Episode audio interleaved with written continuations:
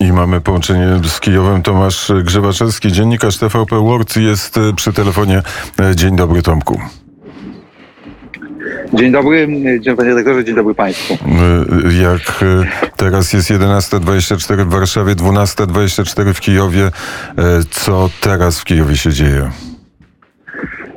Ja w tym momencie jestem nie w samym Kijowie, ale w miasteczku Wasilków na, Wasilków na obrzeżach Kijowa. Tutaj w nocy toczyły się bardzo ciężkie walki.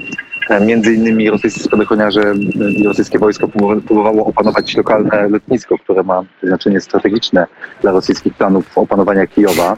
Ja tę noc spędziłem w budynku chronionym przez lokalne siły samoobrony, w tymczasowym schronie pod Radą Miejską, ratuszem, znajdowały się setki kobiet i dzieci starających się przetrwać tą noc. Był bardzo ciężki ostrzał, toczyły się walki uliczne. Sytuacja jest niezwykle napięta.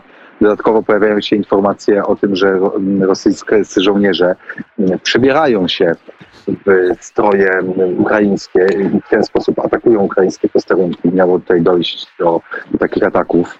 Także również na samych ulicach wyczuwalne jest napięcie. Właściwie każdy patrzy każdemu na ręce i każdemu w oczy, zastanawiając się, czy jakikolwiek obcy nie jest potencjalnie dywersantą i sabotażystą, który otworzy do tych ludzi ogień. W, dokładnie teraz przed budynkiem siedziby Rady Miast ratuszem. Budowane są barykady z wołtów z piaskiem, z opon.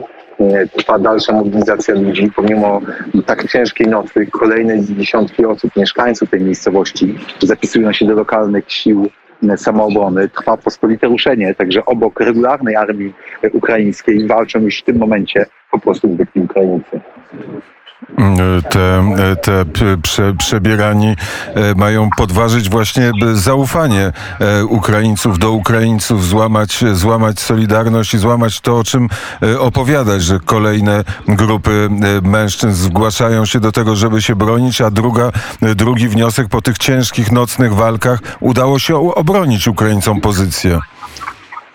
Tak, udało się utrzymać to miasto. Ukraińcy stawiają niezwykle zaciekły opór.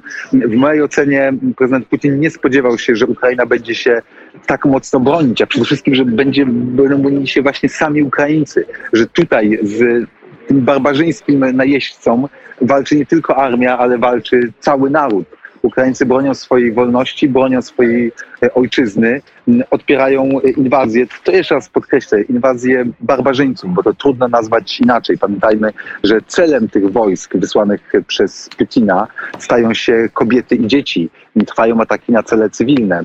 Prezydent Putin próbuje się przedstawiać jako twardy mężczyzna, a tak naprawdę w tej wojnie pokazuje, że jest zwykłym damskim bokserem, któremu najłatwiej jest atakować e, tych najsłabszych. To za e, słabe e, określenie prezydenta e, Putina. Jak były walki, to były też ofiary po jednej i po drugiej stronie. Tak, oczywiście prezydent Putin jest po prostu mordercą. Dzisiaj pojawiła się też informacja o apelu ukraińskiej organizacji pozarządowej Come Home Alive, która zajmuje się wspieraniem ukraińskich żołnierzy właściwie od początku konfliktu na Donbasie.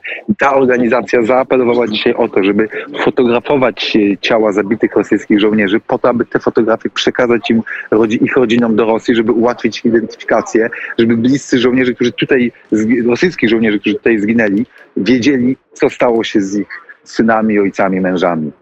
Tym bardziej, że wiemy, że w Rosji już wprowadzono wojenną e, cenzurę, która między innymi polega na tym, żeby nie używać słowa wojna, tylko to słowo zastąpić innymi e, słowami. Powiedz jeszcze o tej nocy e, w schronie między kobietami płaczącymi dziećmi.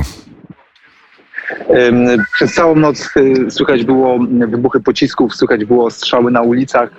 Tutaj dosłownie może półtora kilometra na ulicy Dekabaryjskiej toczyły się właśnie bardzo ciężkie walki uliczne. Mieszkańcy tłoczyli się w tym schronie, spali pod kocami.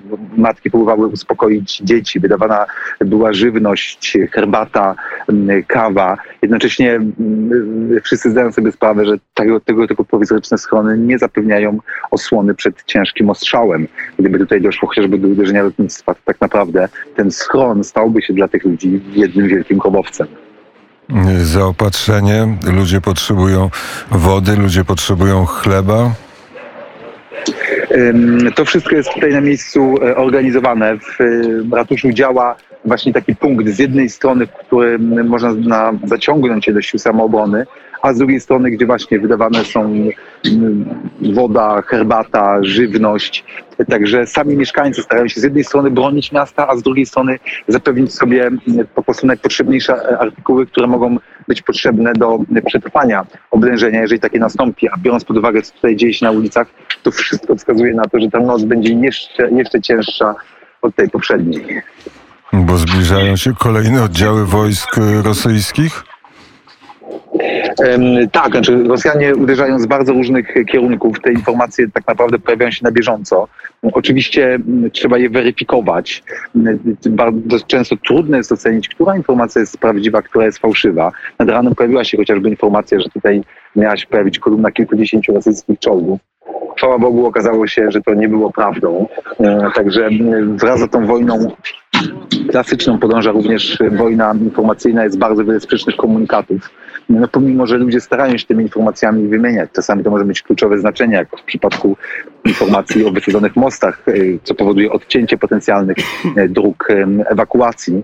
Y, Także mamy chaos informacyjny, mamy pewien chaos wśród samych mie- mieszkańców, ale ja mam wrażenie, że ten chaos jest coraz lepiej e, organizowany. Tak sprawnie przebiega tutaj budowa tych barykad, tych umocnień, właśnie to wydawanie pożywienia, pokazuje, że mieszkańcy byli w stanie bardzo szybko się zorganizować. Po tej pierwszej naprawdę bardzo ciężkiej nocy, pewnego rodzaju szoku związanego z tym uderzeniem, bo ja chciałbym podkreślić, że to miasto znajduje się na południe od Kijowa. To, to nie jest od północy, to nie jest na tych głównych szlakach natarcia wojsk rosyjskich, także tutaj nikt nie był przygotowany do tego, że dojdzie do desantu. Więc pierwsza noc w pewnym sensie chaotyczna, ale teraz widać, że mieszkańcy po prostu sami się organizują i próbują opanować sytuację, wspierając armię ukraińską, która oczywiście toczy regularne, regularne walki. Jest zresztą jasno, że mm, siły samoobrony mm, wyposażone w karabiny maszynowe nie są przeciw, nie są w stanie przeciwstawić się czołgom czy atakom lotnictwa. To jest zadanie regularnej armii, ale tutaj z kolei no właśnie mieszkańcy Wasylkowa przygotowują się walk do ulicznych, walk bezpośrednio o swoje domy. To powiedz mi, ile, ile ludzi mieszka w Wasylkowie?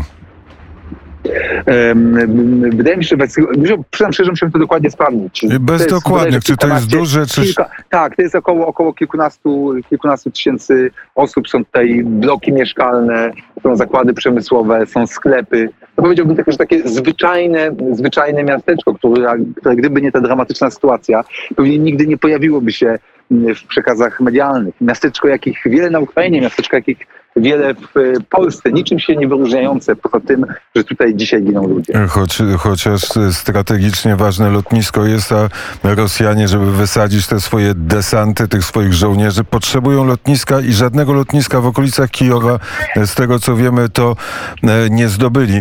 Czy tą cywilną obroną e, e, nadzoruje ją i dyryguje nią mer miasteczka? Czy są te władze cywilne na stanowisku? Czy wszyscy biorą przykład z prezydenta Zełęńskiego i są na linii frontu i jej nie opuszczają?